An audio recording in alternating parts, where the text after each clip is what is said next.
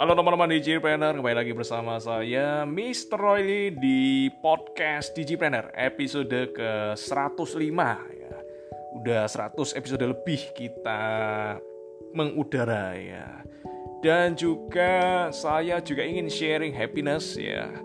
Jadi sekitar minggu lalu kita dikabarin podcast Digipreneur ternyata masuk di dalam podcast finansial terbaik di Indonesia ya, versi Bank Permata ya. Jadi kita podcast Digipreneur ini usaha kita, kerja keras kita. Thank you juga supportnya buat teman-teman pendengar podcast Digipreneur. Kita terpilih sebagai podcast Digipen podcast finansial terbaik di Indonesia ya, versi Bank Permata. Thank you juga buat Bank Permata. Dan juga kita di episode ke-105 ini saya ingin sharing hal menarik ya tetap tentang yang namanya entrepreneurship, tetap yang namanya hal-hal penting ya. Konsep-konsep penting yang teman-teman harus tahu ya, teman-teman harus tahu. Kita akan membahas tentang yang namanya komitmen ya. Bagaimana sih supaya kita kita ini sibuk ya, tapi gimana caranya supaya tetap bisa meluangkan waktu untuk bisnis kita, tetap bisa meluangkan waktu untuk hal-hal yang penting menurut kita ya gimana sih caranya ya? Dan bagaimana supaya kita mau untuk meluangkan waktu ya? Banyak teman-teman lebih prefer memilih untuk mengerjakan yang lain. Atau mungkin mengerjakan hal-hal yang kurang produktif seperti main game ya kan? Browsing browsing nonton nonton ya. Nonton bukan nonton sesuatu yang memotivasi kita bukan nonton sesuatu yang misalnya dokumentasi dokumenter atau film-film yang inspiring tapi mungkin sinetron ya kan mungkin drama Korea ya sekarang kan lagi lagi viral di mana-mana ya banyak generasi milenial nonton ya. Nah, bagaimana teman-teman meluangkan waktu ya untuk bisa mengerjakan sesuatu yang sangat penting ya, important ya, important menurut teman-teman dan mungkin juga urgent juga ya buat teman-teman atau buat masa depan teman-teman itu sendiri ya. Gimana caranya? Saya akan sharing di podcast episode kali ini, episode ke-105 Digipreneur Podcast. Silakan menonton, silakan belajar, selamat mendengar. Salam Digipreneur buat kita semua.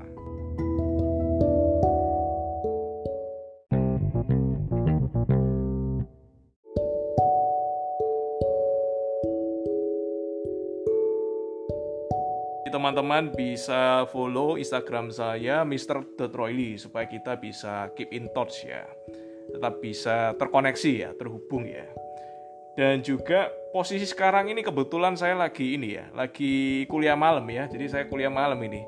Jadi zoom saya ada dua ya, atas sama bawah ya. Makanya saya nggak hidupin video ya, karena kameranya dipakai untuk satunya ya. Jadi saya ambil profesi avokat. Jadi saya sekolah avokat ya, Senin sampai Minggu ya. Senin sampai Minggu. Jadi tiap malam jam 7 sampai jam setengah 10 itu tiap malam Sabtu Minggu dari pagi jam 9 sampai jam 5 sore ya. Loh, kenapa Pak? Ini menyambung ini ya, menyambung slide yang terakhir tentang yang namanya impian dream ya. Salah satu dream saya itu salah satunya adalah punya law firm sama jadi advokat ya. Tentu bukan demi uang ya, bukan for money ya, tapi demi impian ya. Yang mau saya sharingkan di sini adalah sesibuk apa pun kita ya. Sebenarnya yang namanya cita-cita itu bisa apa aja ya. Nggak harus jadi avokat nggak harus punya law firm nggak harus. Tapi cita-cita bisa mana aja. Teman-teman bisa ganti. Oh cita-cita saya saya ingin menikah. Saya ingin kawin. Saya ingin punya mobil.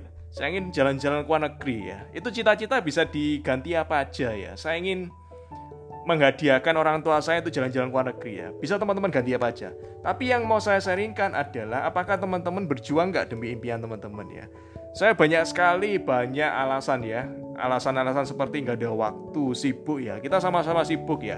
Saya sibuk, teman-teman juga sibuk ya. Yang jadi pertanyaan adalah apakah teman-teman itu mau nggak meluangkan waktu ya? Mau nggak menyempatkan waktu ya? Seberapa besar sih komitmen teman-teman untuk fighting ya? Untuk berjuang demi impiannya teman-teman ya? Karena ini penting ya, ini penting banget ya. Kalau teman-teman mau berjuang, mau fighting ya, demi impiannya teman-teman sendiri. Nggak ada nggak ada kata tidak ada waktu ya. Nggak ada kata saya sibuk. Nggak ada kata wah saya ngurusin ini ngurusin ini ngurusin nggak ada kata karena kita udah komitmen ya berjuang demi impian ya. Dan Itu pertama ya, itu yang pertama ya. Dan yang kedua adalah saya barusan tadi siang ya, tadi siang saya ngambil sertifikasi ya, Certified Business and Creative Writing Skill ya, with Map Map. Yang menarik adalah satu hal yang saya mau sharingkan buat teman-teman adalah saya belajar tadi konsepnya namanya dendling ya, dendling modifier. Dendling modifier. Apa itu dendling modifier? Ini konsep yang menarik ya. Ternyata kalau kita masukkan satu kata ya kan dari susunan kalimat itu ketika kita menyelipkan satu kata atau dua patah kata aja, artinya itu bisa berbeda jauh ya. Interpretasinya itu bisa berbeda ya. Terjemahannya bisa berbeda. Orang yang baca dengan orang yang menulis itu maksudnya bisa berbeda. Jadi pesan yang ini disampaikan itu bisa bisa jauh berbeda. Maksudnya gimana? Relevansinya apa? Relevansinya adalah webinar ini ya webinar ini bisa menimbulkan interpretasi yang berbeda, bisa menimbulkan tafsiran yang berbeda. Ada sebagian dari teman-teman melihat ya, menonton webinar kali ini ya. Oh, bagus ya kan? Oh, bagus. Ada yang bagus, ada yang bosan juga. Sebagian, wah, ini seminarnya gini-gini aja, webinarnya gini-gini aja. Ada yang webinarnya, oh ini bagus. Oh, bisa seperti itu ya. Cuman tahu doang ya, cuman berhenti sampai knowledge, semua berhenti sampai tahu ya. Oh, tahu ternyata bisa begini oh tahu ternyata ada, ada peluang seperti ini. Tapi ada sebagian dari teman-teman yang menafsirkan webinar ini berbeda. Menafsirkan oh ini saatnya ini ini adalah peluang, ini adalah opportunity. Opportunity di mana kesempatan yang lain itu sudah tertutup ya. Opportunity di mana dengan budget saya ya kan dengan resource sumber daya saya, sebenarnya saya bisa ngambil ini dan saya bisa buat ini sebagai kendaraan saya.